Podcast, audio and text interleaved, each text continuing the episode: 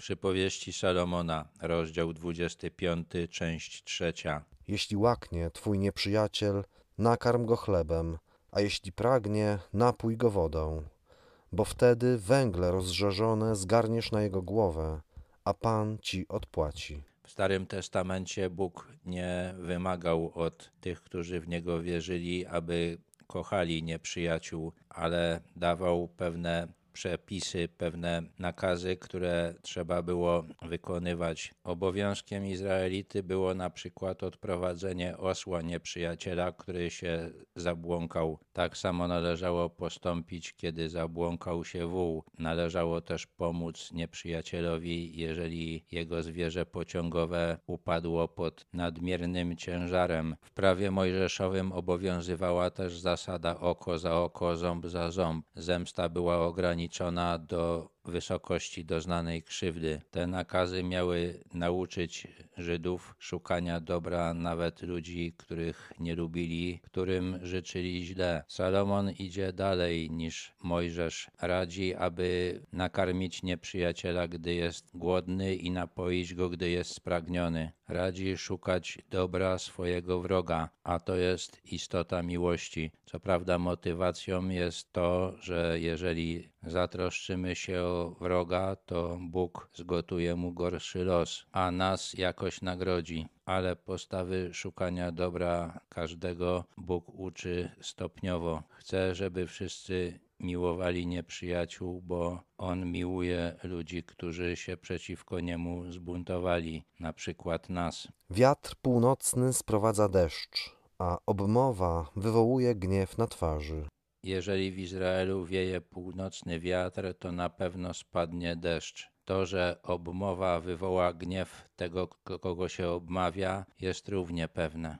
Lepiej jest mieszkać kątem na poddaszu, niż z kobietą swarliwą we wspólnym domu. Jeżeli na zewnątrz jest zimno, to na poddaszu też jest zimno. Jeżeli na zewnątrz jest gorąco, to na poddaszu też jest gorąco. Jeśli mieszkamy kątem, to mamy mało miejsca. To wszystko są duże niewygody. Mimo wszystko jednak mieszkanie z kobietą swarliwą jest większą uciążliwością. To określenie domu, które tutaj jest przetłumaczone jako wspólny, można też przetłumaczyć jako obszerny. Nawet obszerny dom z kobietą swarliwą jest bardziej niewygodny niż poddasze bez niej. Jak zimna woda dla ust spragnionych, tak dobra wieść z dalekiej krainy.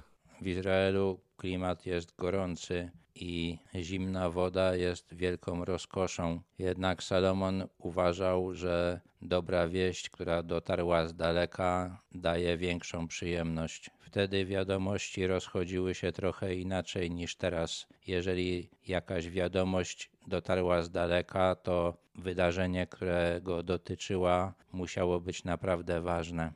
Sprawiedliwy, który jest chwiejny przed bezbożnym, jest jak zmącone źródło albo skażony zdrój. Od źródła oczekujemy, że będzie czyste. Jeżeli źródło jest zmącone, to utraciło swoją najważniejszą cechę. Od sprawiedliwego oczekujemy, że będzie wobec bezbożnego zachowywał się zdecydowanie i odważnie. Niedobrze jest jeść za wiele miodu, bądź więc oszczędny w słowach pochwalnych. Salomon już napisał, że nadmiar miodu może doprowadzić do wymiotów, nadmiar pochwał może doprowadzić do pychy. Dlatego chwalić należy oszczędnie, w najlepiej pojętym interesie tego, którego się chwali.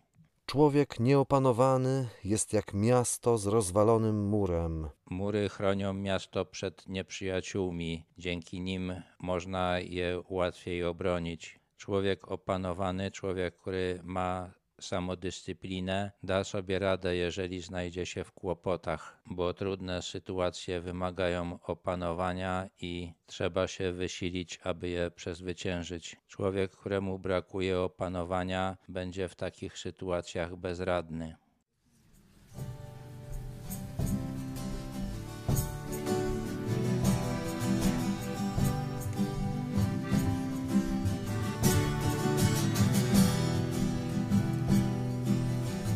Uczniów swych posyłał Pan, by nieśli wieść radosną, Żegnając ich dał swoją moc i mówił tak z miłością Nie, nie warto na drogę tę sandałów i płaszcza zabierać Nie, nie trzeba wam srebra brać o dach nad głową zabiegać. Nie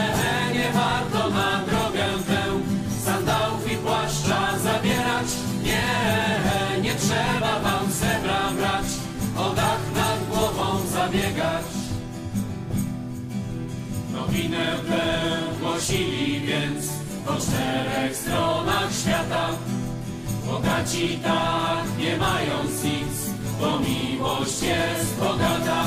Nie, nie warto na drogę tę sandałów i płaszcza zabierać. Nie, nie trzeba wam srebra brać, o dach nad głową zabiegać.